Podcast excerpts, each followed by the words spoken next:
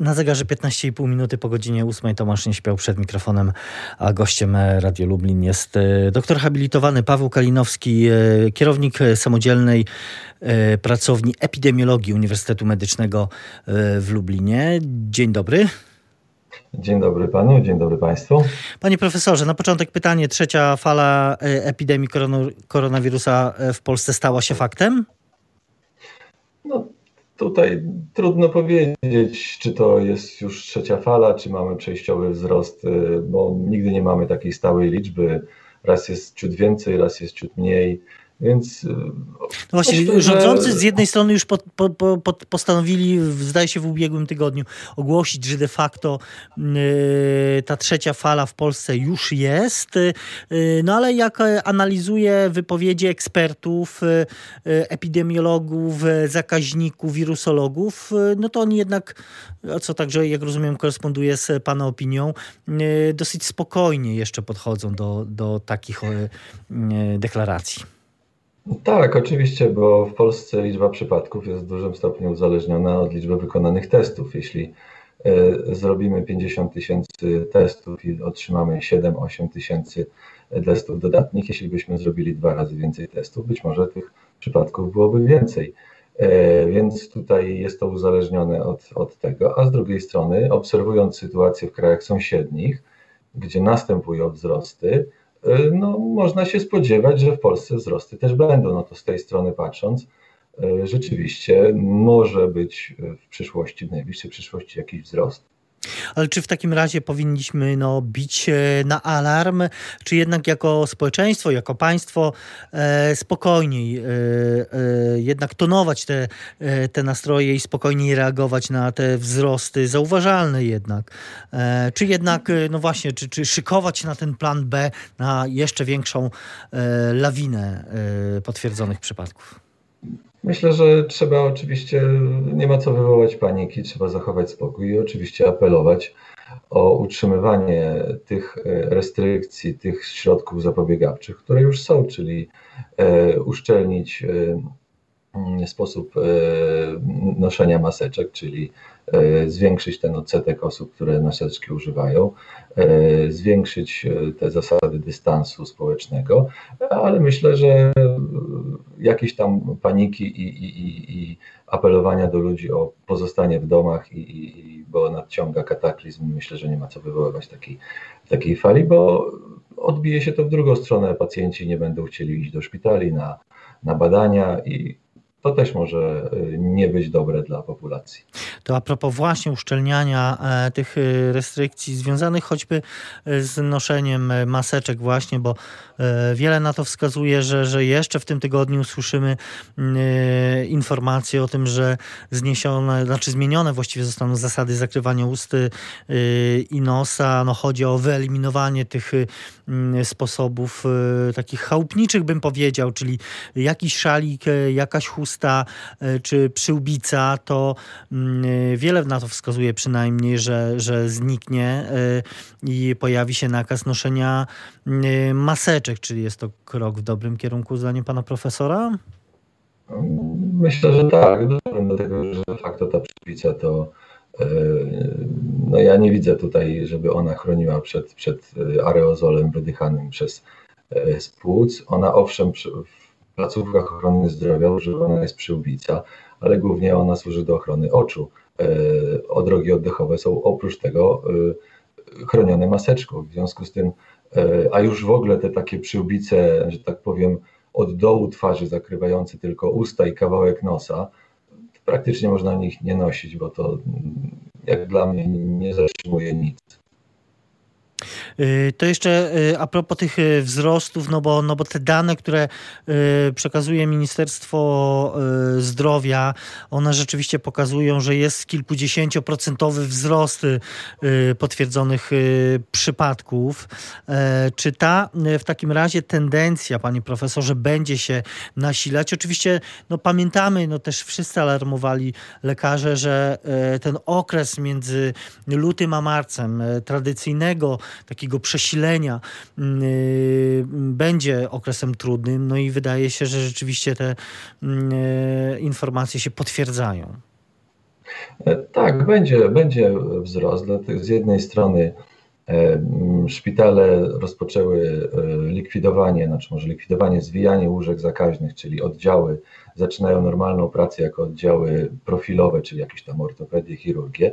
W związku z tym powrót do takiej jakby normalności w ochronie zdrowia będzie powodowało, że coraz więcej pacjentów będzie się zjawiać w szpitalu. Każdy pacjent przyjmowany na jakiś zabieg planowy czy, czy, czy hospitalizację będzie testowany. W związku z tym więcej osób w szpitalach będzie znaczyło więcej wykrywania po prostu bezobjawowych e, przypadków. Również więcej infekcji takich grypopodobnych placówkach w POZ-ach, u lekarzy rodzinnych, również spowoduje, że oni e, chcąc się przekonać, czy jest to zwykła grypa, czy przeziębienie, e, infekcja, czy już to jest zakażenie SARS-CoV-2, będą wysyłali tych kaszlących, kichających na testy. W związku z tym również przez to będziemy mieli więcej wykrywania przypadków, które w większości będą przypadkami lekkimi i bezobjawowymi, a czy w takim, dodatnimi. A czy w takim razie grozi nam e, powtórka z tego, co obserwowaliśmy jesienią, szczególnie w e, listopadzie, kiedy no mieliśmy po 25, 27 e, ponad tysięcy potwierdzonych przypadków zakażeń dziennie? Myślę, że do takich, do takich wielkości nie dojdzie. Myślę, że bardziej w kierunku, idziemy w kierunku wiosny, lata, będziemy mniej spędzać czasu w zamkniętych pomieszczeniach, więcej wietrzyć tych pomieszczeń.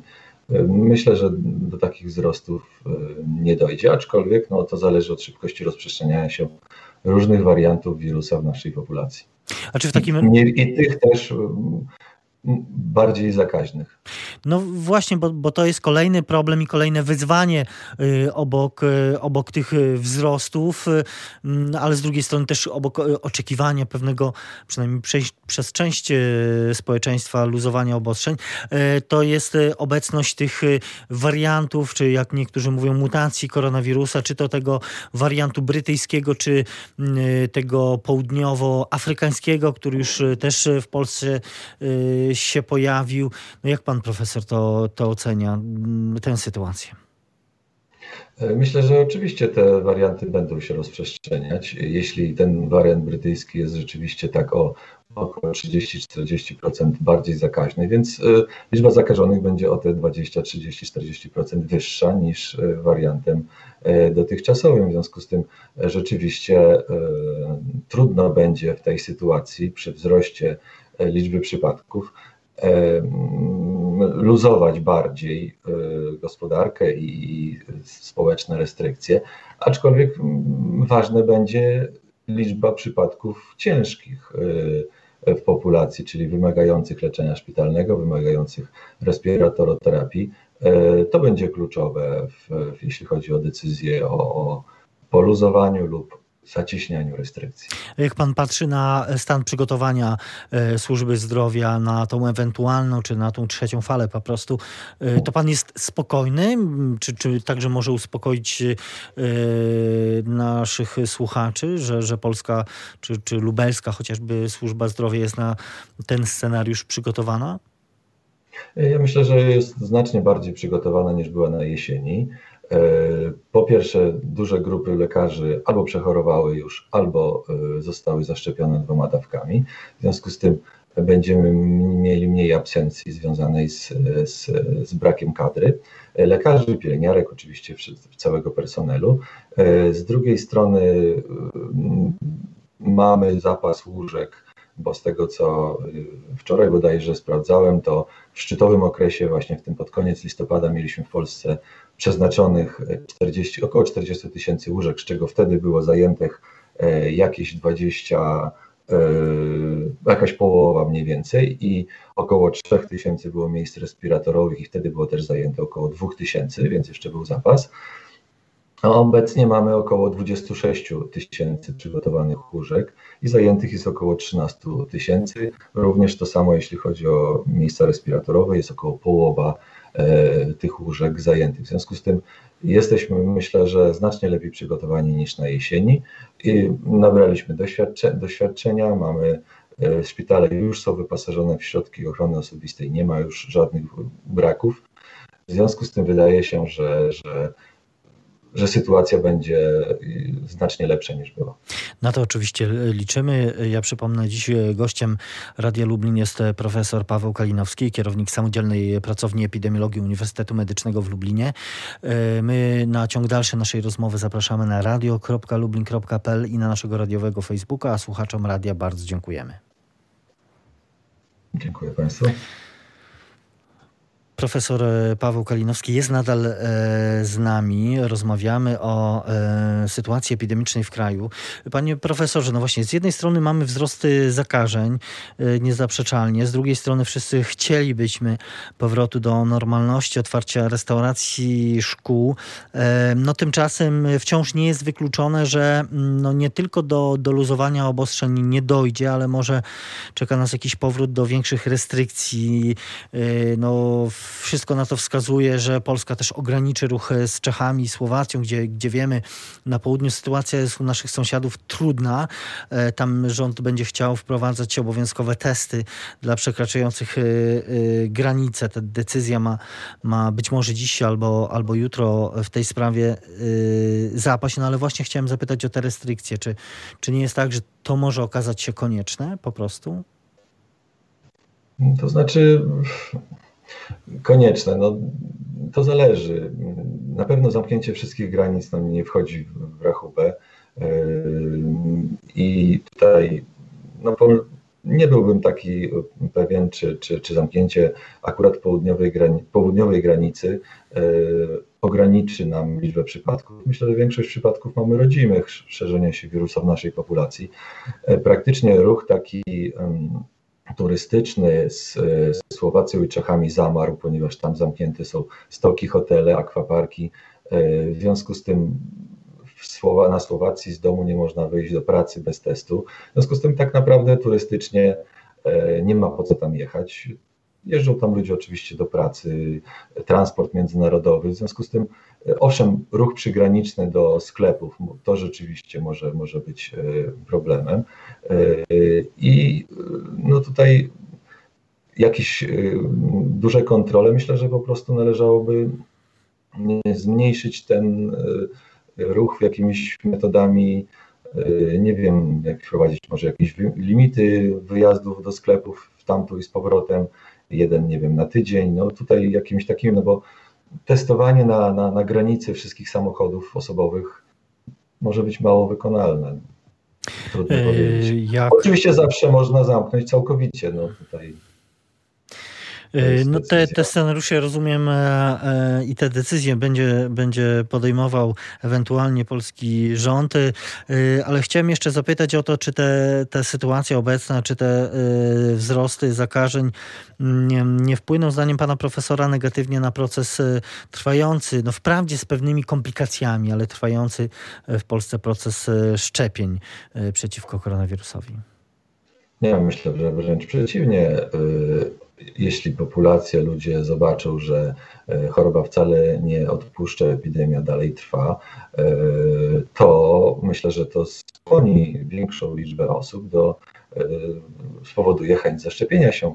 Jeśli wszyscy zrozumieją, że ta choroba mm, zostanie z nami na dłużej i jedyną możliwością zwiększenia szansy na to, że nie zachorujemy jest zaszczepienie, myślę, że wpłynie to raczej w drugą stronę, w zachęci do uczestnictwa w szczepieniach. No właśnie, jeśli popatrzymy na, te, y, na tą świadomość y, Polaków, jeśli chodzi o, y, o szczepienia, to, to, to rzeczywiście jest znacznie lepiej niż jeszcze było to kilka miesięcy temu, no ale dzisiaj zdaje się nie, nie samo nastawienie do, do szczepienia, ale przede wszystkim brak szczepionki jest problemem, ale fakty są też takie, że z tych najświeższych danych wynika, że ponad 2,7 miliona Polaków zostało już zaszczepionych. Prawie milion osób już otrzymało dwie dawki. Czy takie tempo szczepień, zdaniem pana profesora, jest satysfakcjonujące? Minister zdrowia Adam Niedzielski też mówił wczoraj, że, że jeśli sytuacja się będzie korzystnie rozwijała, no to jesteśmy do jesieni w stanie zaszczepić 20 milionów Polaków. Oczywiście no, tempo mogłoby być szybsze, ale jesteśmy ograniczeni, właśnie tak jak pan redaktor powiedział, niestety dostawami szczepionek i dostajemy tyle, ile dostajemy. Moglibyśmy szczepić więcej. Są chętni, czekający w kolejkach. No, tutaj jesteśmy uzależnieni od dostaw szczepionek. I to jest, myślę, obecnie wąskim gardłem w realizacji programu szczepień.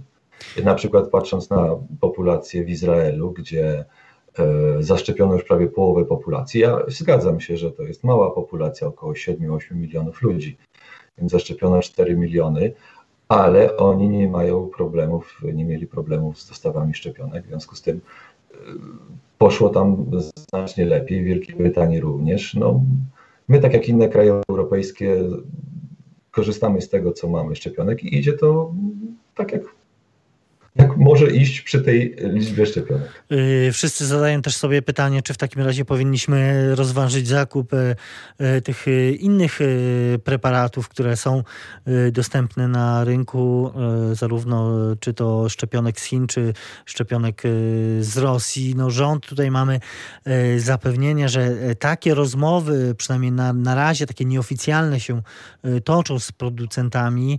Oczywiście, tak jak powiedzieliśmy, jesteśmy zobligowani jeśli chodzi o umowę e, w ramach dostaw e, unijnych e, w pierwszej kolejności, ale, ale takie rozmowy, jak powiedziałem, z koncernami farmaceutycznymi się toczą. Czy zdaniem pana profesora powinny zostać bardziej zdynamizowane, czy powinniśmy w tej chwili jeszcze cierpliwie czekać na rozwój sytuacji, czy już wziąć sprawy w swoje ręce w tej sprawie? No, po pierwsze, to możemy korzystać tylko ze szczepionek, które zostały dopuszczone przez Europejską Agencję Leków. W związku z tym na razie e, trwa proces rejestracji tych szczepionek, e, które, o których pan redaktor mówi. To jest po pierwsze. Po drugie, rzeczywiście mamy podpisane umowy jako cała Unia Europejska i mamy zagwarantowane do końca roku ileś tam tych e, dawek szczepionek i to wygląda, że będzie wystarczająco dla naszej populacji.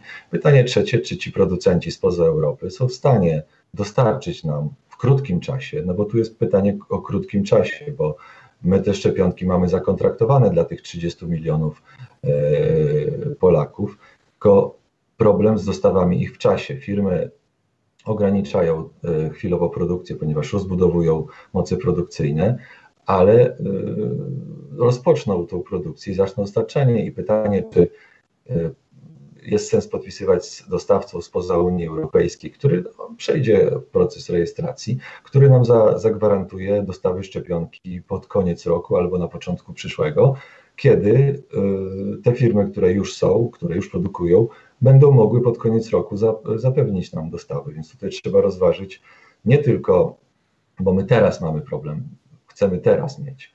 Teraz obawiam się, że żadna firma na świecie nam nie dostarczy. A pod koniec roku będą mieli i ci, i ci.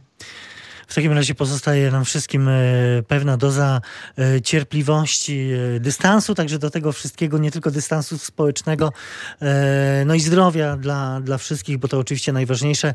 Profesor Paweł Kalinowski, kierownik Samodzielnej Pracowni Epidemiologii Uniwersytetu Medycznego w Lublinie, był gościem Radia Lublin. Panie profesorze, bardzo dziękuję za rozmowę. Dziękuję panu, dziękuję państwu.